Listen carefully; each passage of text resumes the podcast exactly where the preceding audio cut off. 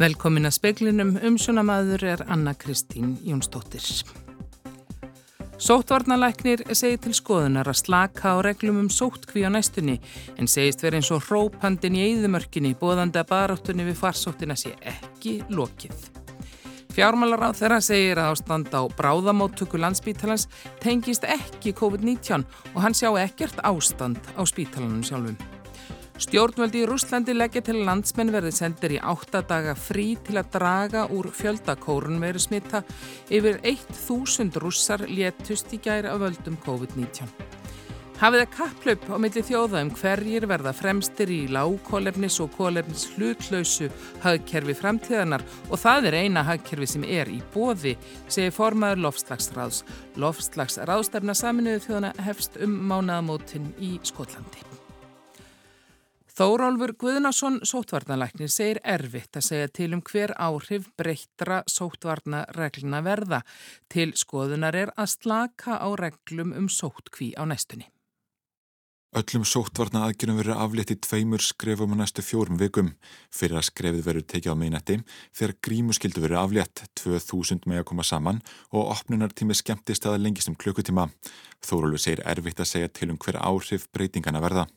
Erum náttúrulega að sjá vísbendingar núna um að uh, aukningu á fjölda tilfella, hvort að það mun skila sér í aukningu uh, á spítalinlögnum er svo sem ekki gott að segja til um. 80 mann skreindust með koronavirun í gær. Þar af var tefla helmingur utan sótkvíjar. Þórulegu segir þann fjölda verið til massum að baratan við farsóttina sé ekki búin. Ég er búin að segja það allan tíman og reyna að halda því á lofti. Ég er svona orðin eins og próbandin í eðimörkinni að, að hérna, halda því fram að þetta sé ekki búið. Samhliða afléttingu sóttvarna aðgerða segir Þórólur að nú sé unnið að endur skoðinu regluna um sóttkví. Við léttum á því töluvert núna í haust þegar við, bættum hann inn í smittgátt inn í laufinningarnar en við erum bara núna að fara aftur yfir þessa laufinningar og sjá hvort við getum létt eitthvað enn frekar, frekar á þessu og, og, en, en samt sem áður reynd að hafa tök á og að, að hefta uh, útbreyslu smita eins, eins og mögulegt er. Saði Þórulu Guðnason, Yngvar Þór Björnsson rétti við hann. Bjarni Bendiktsson fjármálar á þeirra hvaðist ekki sjá neitt ástand á landsbytalanum. Í dag var tilkynnt um afléttingu allra sótvarnaðgerða í skrefum næstu fjórar vikur. Svandís Svavarsdóttir helbriðisráþurra sagði þegar ráðstafanirnar voru kynntar að staðan á landsbítalanum hefði ekki haft afgerandi áhrif á niðurstöðuna. Fyrir nokkrum dögum sagði Þórólfur Guðnarsson sótvarnalæknir að landsbítalinn er það svara því hver þólmörk hans væru áður en hann ráðleiði frekari tilslakanir á sótvarnaraðgerðum. Bjarni Benediktsson, fjármálar á þeirra, hvaðist aðspurður hvort mögulegt hefði verið að aflétta ráðstöfunum alveg nú ef ekki væri fyrir ástandið á spítalanum það ekki tengjast COVID-19 beint. Ég sé ekkit ástand á spítalanum í sjálfu sér. Það er bara verið að fara varlega eins og við höfum gert í eitt og halvt ár. En þau hafa líst því að það sé ófrumdara ástand á bráðamóttökunni? Já, fólk verður að gera greinamun á því sem að tengist bráðamóttökunni annars vegar og, og gjörgæslunni hins vegar. Þetta er ekki einn og sami hluturinn. Og ástandið sem þú vísa til á bráðamóttöku er ekki vegna COVID. Vegna hvers þá? Já, ég ætla nú bara að hvetja þá sem að hafa áhuga þessu að kynna sér það sem hefur verið að segja um það mál. Og við höfum staðið í margra mánuða ekki margra ára umræðu um það og hefur ekki með COVID beint að gera sagði Bjarni Bendiktsson, Markus Þórhaldsson tók pistilinn saman. En fundi undirbúningsnemdar fyrir rannsók kjörbrefa í borganísi var að ljúka rétt í þessu. Í morgun þá fylgdust nemdarmenn með þegar ónótaðir kjörsæðilar voru taldir á laugurkustöðinni og svo talning, hún stemdi við kjörgögnin eða ekki rétt Elsa Maria Drífu Guðlustóttir sem hefur fylst með þessum fundi í dag. Sæl Elsa. Jú, sæl, það stemmir og ég var einmitt að tala við Birgi Ármannsson, formann nefndarinnar og hann sagði að dagurinn í dag var góður þannig að bara vera að tala við eh, bæði hérna, yfir kjörstjórnar menn og svo starfsfólk og hótelsborgarnis þar sem að talningin fór fram.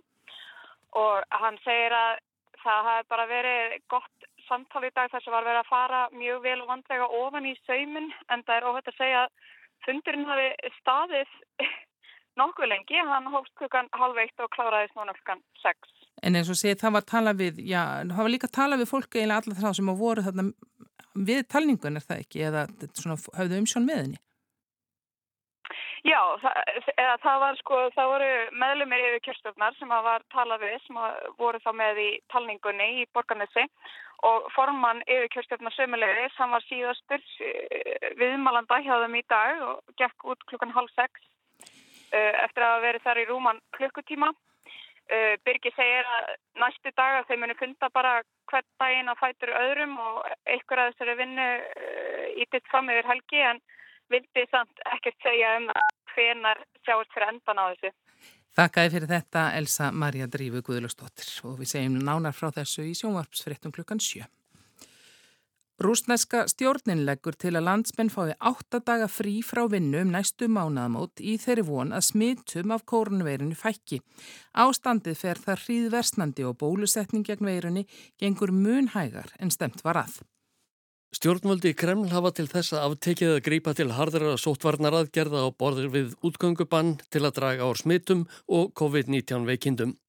Nú verist mælirinn vera fullur því lagtir til að fólk haldi sig heima frá vinnu dagana 30. oktober til 7. november. Einni er því bent til landsmanna að sína ábyrð og láta bólusetja sig. Dimitri Peskov, talsmaður stjórnarinnar, sagði á fundi með frettamönnum í Moskvu að stjórnvöld hefðu mátt gera meira til að útskýra fyrir rúsum að fátt væri til ráða gegn veirunni annað en að láta bólusetja sig en það væri lenska að kenna aðstur ráðamönnum um allt sem miður færi. Hvergi Evrópu er ástandið af völdum koronavirunar verra enn í Rúslandi. Síðastlegin sólarhing létust þar 1015 af völdum COVID-19 og hafa ekki verið fleiri á einum degi frá því að heimsfaraldurinn blossaði upp. Samkvamt ofinbjörgum gögnum eru döðsfull áriðin 225.325. Rúsnanska hagstofan Rossat segir að þeir séu miklu fleiri eða um 400.000. Einungis 35% þjóðarinnar eru bólusett að fullu þrátt fyrir endurteknar áskoranir Pútins forsetta um að gera betur. Ásker Tómasson saði frá. Samkomilag sem auðtarrikisráð þeirra gerði við bresk stjórnvöld í sumar eigur möguleika íslenskara námsmanna á að fá styrki til náms þar í landi. Guðlaugur Þór Þórðarsson utan ríkis og þróunar samvinnur ráð þeirra og Amanda Soloway ráð þeirra vísinda rannsókn á nýsköpunar í bresku ríkistjórninni undirrituðu þann 12. júli síðastliðin samkommulagum samstarf Íslands og Breitlands á sviði mentunar rannsókna og nýsköpunar. Íslenskir námsmenn í Breitlandi greindu frá því fyrir stemstu að skólagjöld væri orðin það há að lán frá mentasjóði námsmanna dugi ekki fyrir kostnaði. Sankvæmt upplýsingum frá utanríkisráðunetinu þurfa íslenskir nefendur í flestum tilfellum að greiða skólagjöld sankvæmt gjaldskrá fyrir erlenda nefendur. En svo var einnig raunin fyrir útgöngu Breitlands úr ESB. Megin breytingin með útgöngunni, hvað var þar útgjöld íslenska námsmanna, er svo að nefnendur þurfa núna að sætjum með vegabrefs áritun og greiða sérstækt gjald vegna heilbreyðis þjónustu. Með samkúmulæginu við bresk stjórnvöld aukast aftur á móti möguleikar til styrkja til náms í Breitlandi fyrir íslenska nefnendur. Áætlað er að slíkir styrkir verði í bóði frá og með skóla árinu 2022 til 2023. Markus Þórhaldsson sagði frá. Meðal breyting á sótvarnareglum sem við höfum talað um fyrir fréttatímanum og taka gild á miðnætti er afnám grímuskildu. Því fagna vafalíti margir fáir líklega jafn mikið og hárgræðslu fólk sem hefur þurft að vera með grímu næstum því frá því að faraldurinn hófst. Óðinn Svan Óðinsson kynnti sér málið. Uh, ég stættur hérna á hárgræðstofunni Són á Akureyri. Uh, hér eru ennþá allir með grímu starfsmenn og, og, og viðskiptaðinir Hjá mér er Heiðis Östfjörð, hálfgjörslu mestari hérna á Són. Heiðis, þessi regla var kynnt í dag, eða þessar, þessar reglur um að grímuskyldan hún er að fara. Hvernig, hvernig var þið við? Herri, þetta var alveg svona woohoo moment. Ég kom inn á kaffistofu og gargaði þetta yfir stofuna. Þetta er orðið þreytt, þannig að maður er fein. Það eru viljað sjá þetta gerast fyrr? Já, þetta verður svona pínu hægt að make a sense þegar maður er sjálfur bara hérna í vinnunni hlaupand á milli matsölustað að kaupa sér að borða og drekka og svo bara kannski fara út að borða eitthvað í hátteginu og engi með grímun einstæðar og ekki búð og svo kemur maður hér inn og þá þurfa allir að fela sig. En uh, þetta, þetta fer á miðnætti í kvöld, þú áttvendalega einhverja grímur, hvað ætlar að, að gera við þér? Ég tók svaðalegt vídeo síðast þegar þetta var og alveg lag undir og og svona kveðjustund. Það var pínu hallarslegt eftir á þegar þurftum að taka hann aftur upp en ég veit ekki hvort ég ger eitthvað úr þessu núna aftur. Öruglega eitthvað svona fyndið á Instagram bara, hendinni bara. Nú er þetta búið að vera ansið lóku tími, fara fram og tilbaka, ert ekki trættum að einmitt, þú þurfur bara að ná eina unísku flottur? Eins og ég segi alltaf, mér finnst bara, þú veist, við hefum bara ráða sér sjálf og taka ábyrða á sér sjálf. Ég verður ekki alltaf með í bílnum. Það er bálkvast á Kjalanesi og hvassviðrið orðið til þess að allar strætóferðir millir Reykjavíkur og Akranes hafa fallið niður og búist að svo verði áfram það sem eftir lífi dags. Vegagerðin var líka við, við vindkviðum og sandfóki á vinnusvæðinu millir Kollafjörðar og Grundarkverfis.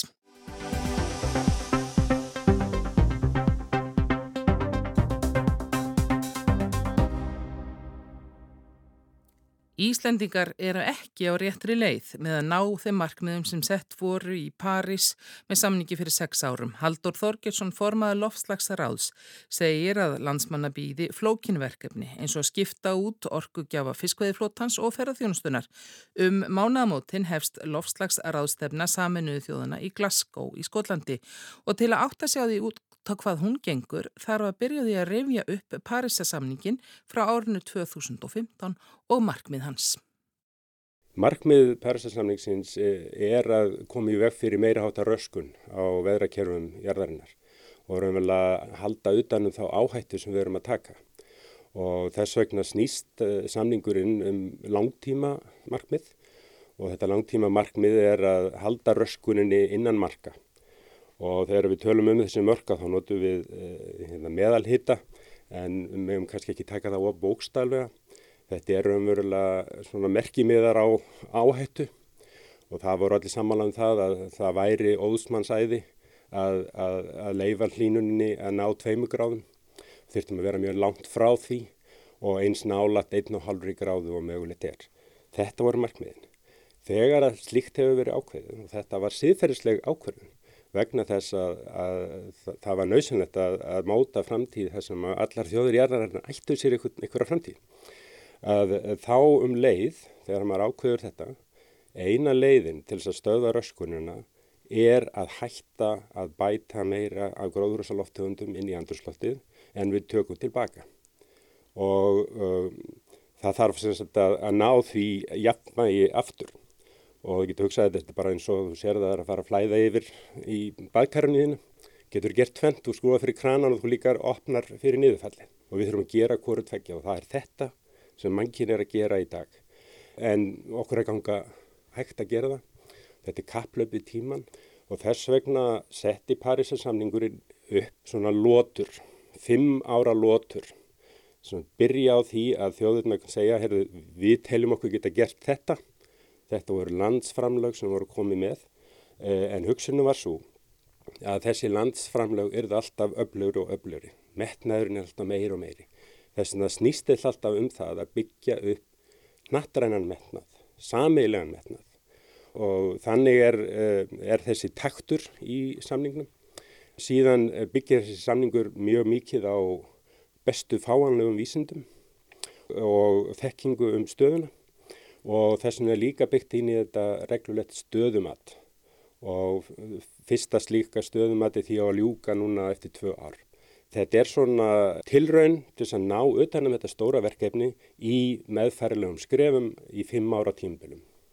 Þetta er ákveðið í desember 2015 en tímabilið er tilturlega ný hafið, ekki satt? Jú, þannig að nú erum við umvel að komin að fyrstu svona eh, hérna, tímamörkunum innan samningsin sem að er 2020 en reyndar er við komin í 2021, það er ekkit aðaladriðu.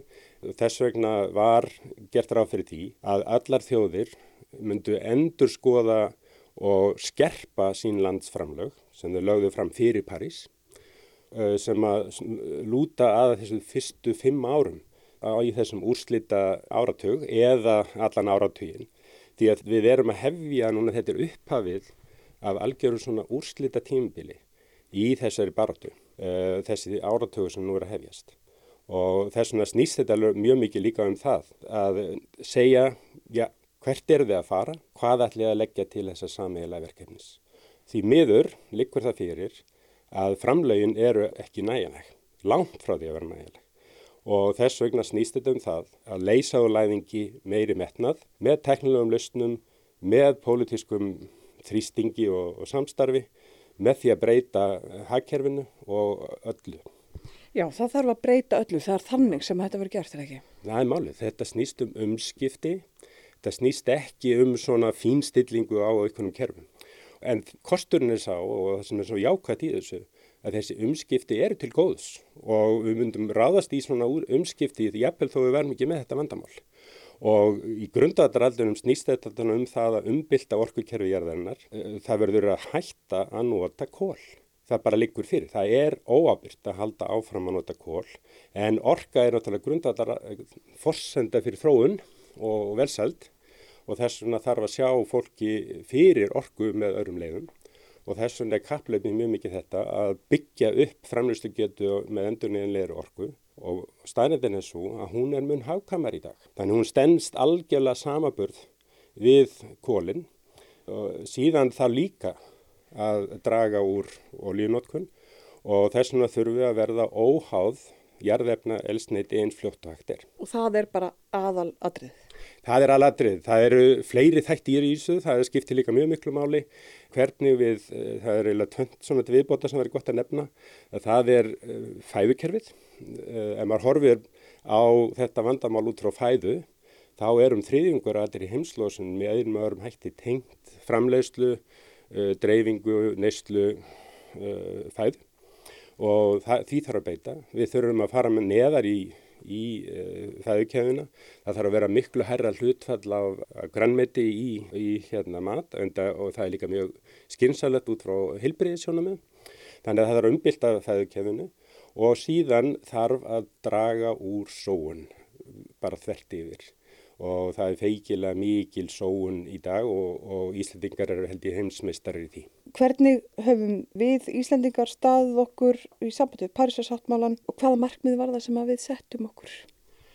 Framlag Íslands til markmiða Parísasamleiksins er hluti af samílug markmiði sem Ísland hefur sett sig með sínu nágrannan þjóðum sem er mjög eðlilegt Það er mjög, mjög gott að takast á í svona verkefni í, í sambandi við þjóðir sem við eigum, þessum eigum samíla hagsmunni og þess vegna hefur Ísland uh, sett fram það markmið að draga losununa saman um 55% og það er mjög mikilvægt að, að það náist. Við erum langt frá því að vera á þeirri braut. Við erum uh, búin að móta mjög ímsar uh, aðgerðir en við höfum verið svona í einfaldari og auðveldari aðgerðunum. Nú erum við að takast á við miklu djúbstæðari viðfónsefni uh, og við þurfum að breyta því hvernig við sækjum fisk, með hvaða orku við sækjum fisk uh, og það eru feikileg tækifæri í því vegna þess að það er markaður fyrir fisk með látt og, og eða ekkert kólumnisspor. Við í ferðarþjónustu höfum treyst eila alfarið og jarðefna elsniti að koma gestum okkar um landið. Það er óabyrt til framtíðar. Við erum að taka hér á móti e, skemmtifæraskipum sem eru alveg skelvileg út frá sjón, ekki bara loftslagsjónamum, heldur líka loftmengunarsjónamum. Þannig að við þurfum svolítið að horfa í eigin fyrir hvað stöndu við sem þjóð vegna þess að það hefur hafist núna kapplaup milli þjóða um hverjir verða fremstir í e, lágkólefnis og, og kólefnis hlutlösu hagkerfi framtíðarinnar því að það er eina hagkerfi sem verður í bóði sagði Haldur Þorgersson formaður lofslagsráðs að Ragnhildur Torlasíus talaði við hann.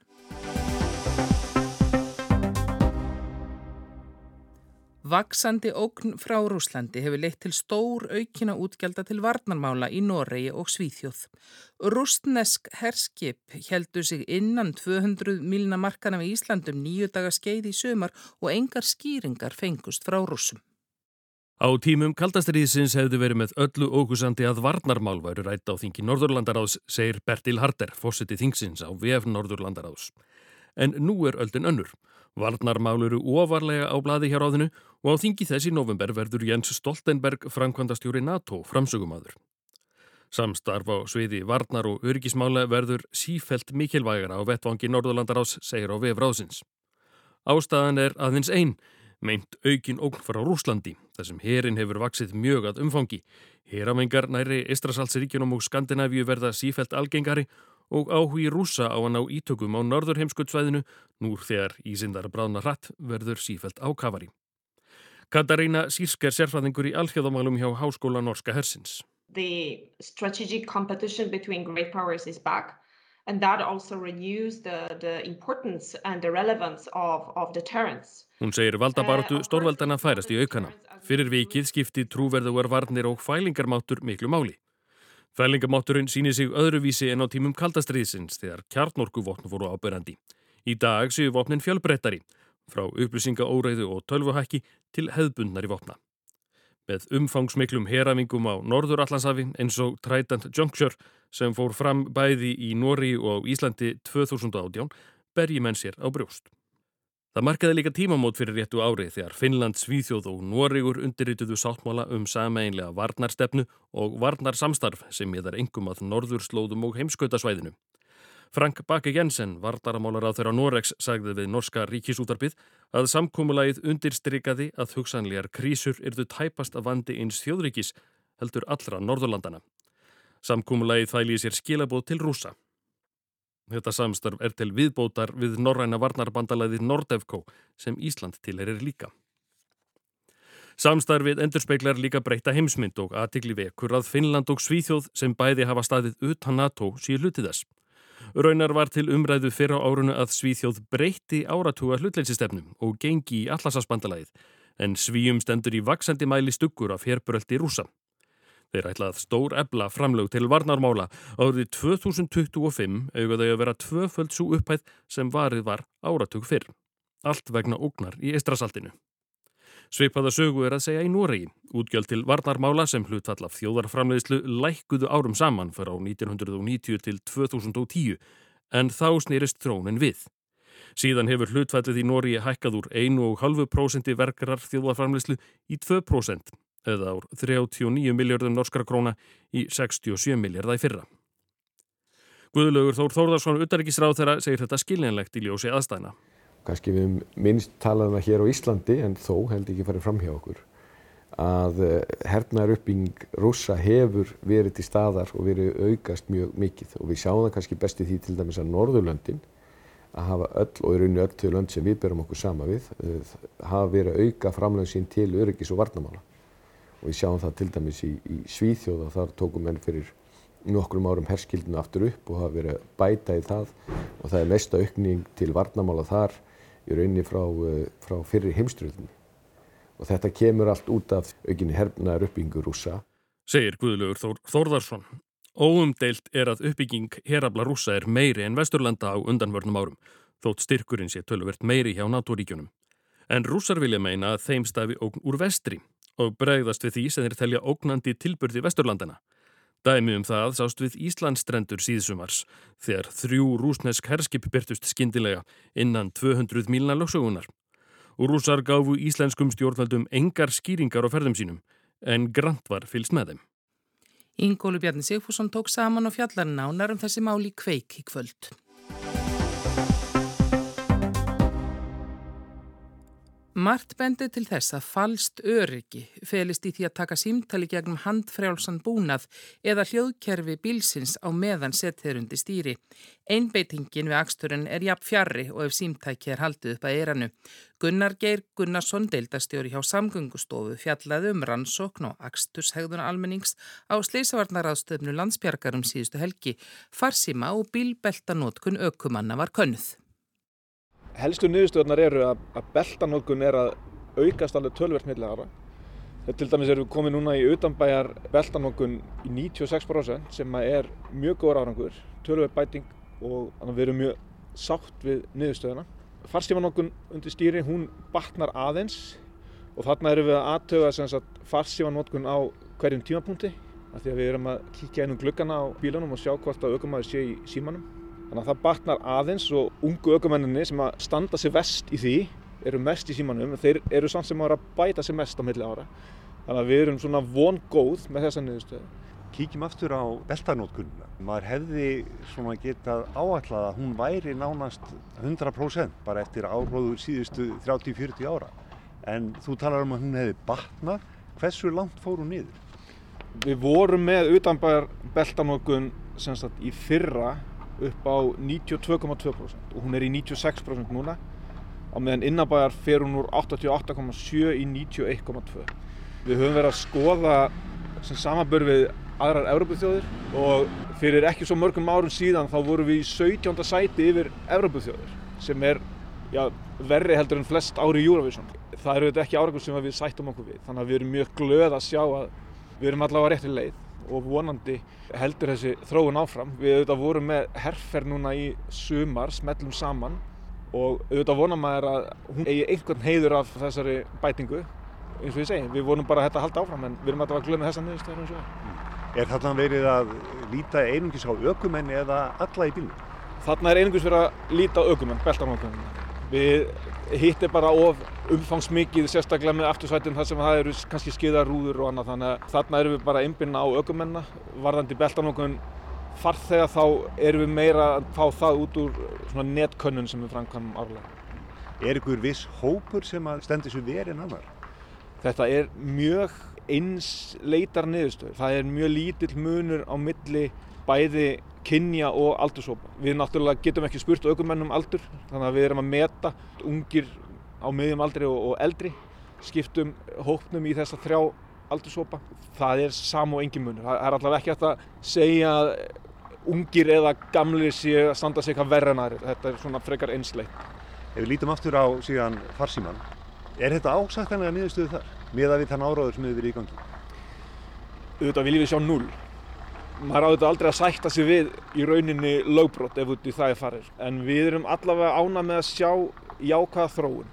Og þarna er verið auðvitað bara aðtöga hvort að aukumar handleiki síman þar að segja við auðvitað vitum ekkert hvort að viðkomandi sé að tala í gegnum bluetooth í, í bílnum. En allavega þegar kemur að því að handleika síman þá erum við að sjá bætingu og auðvitað er kannski hlut af því einfallega að það bara bílarnir er orðinu meira að bjóða upp á að þú svarir í síman með ít og takka í stýrinu frekar en að fipast eftir símtækinu. Þannig að ykkur leiti er öruglega þessi jákvæða þróun því að þakka. En við auðvitað viljum sjá þetta í nulli og hættum ekki fyrir það að kemur. En er ásættanlegt að fólk sé að tala í síma þó að sé handfrjáls búnaður og í gegnum bluetooth? Sko þetta er auðvitað risa spurning verðan þess að aðal trublunin af því að tala í síma það er ekki það að, að höndin sé upptekinn í eitthvað tíma heldur er það þessi hugræna trublun sem við verðum fyrir. Og það er í rauninni marg sannað að það er mjög lítill munur af trubluninni hvort þú heldur um símtækið eða talar við útvarpið í bílnum. En við verðum að draga mörkin kannski í okkar starfið hvað er löglegt og hvað ekki. Og þar sem það er löglegt að tala í síma með handfólksum búnaði þá höfum við ekki farið út í herfer gegn þeirri hegðun en það verður örglega næsta skref eitthvað tíman kannski í framtíðinni en, en eins og staðan er núna þá látu okkur þetta vera góðu. Er til einhverjar rannsóknir hér eða ellendis veldur tali í síma slísu?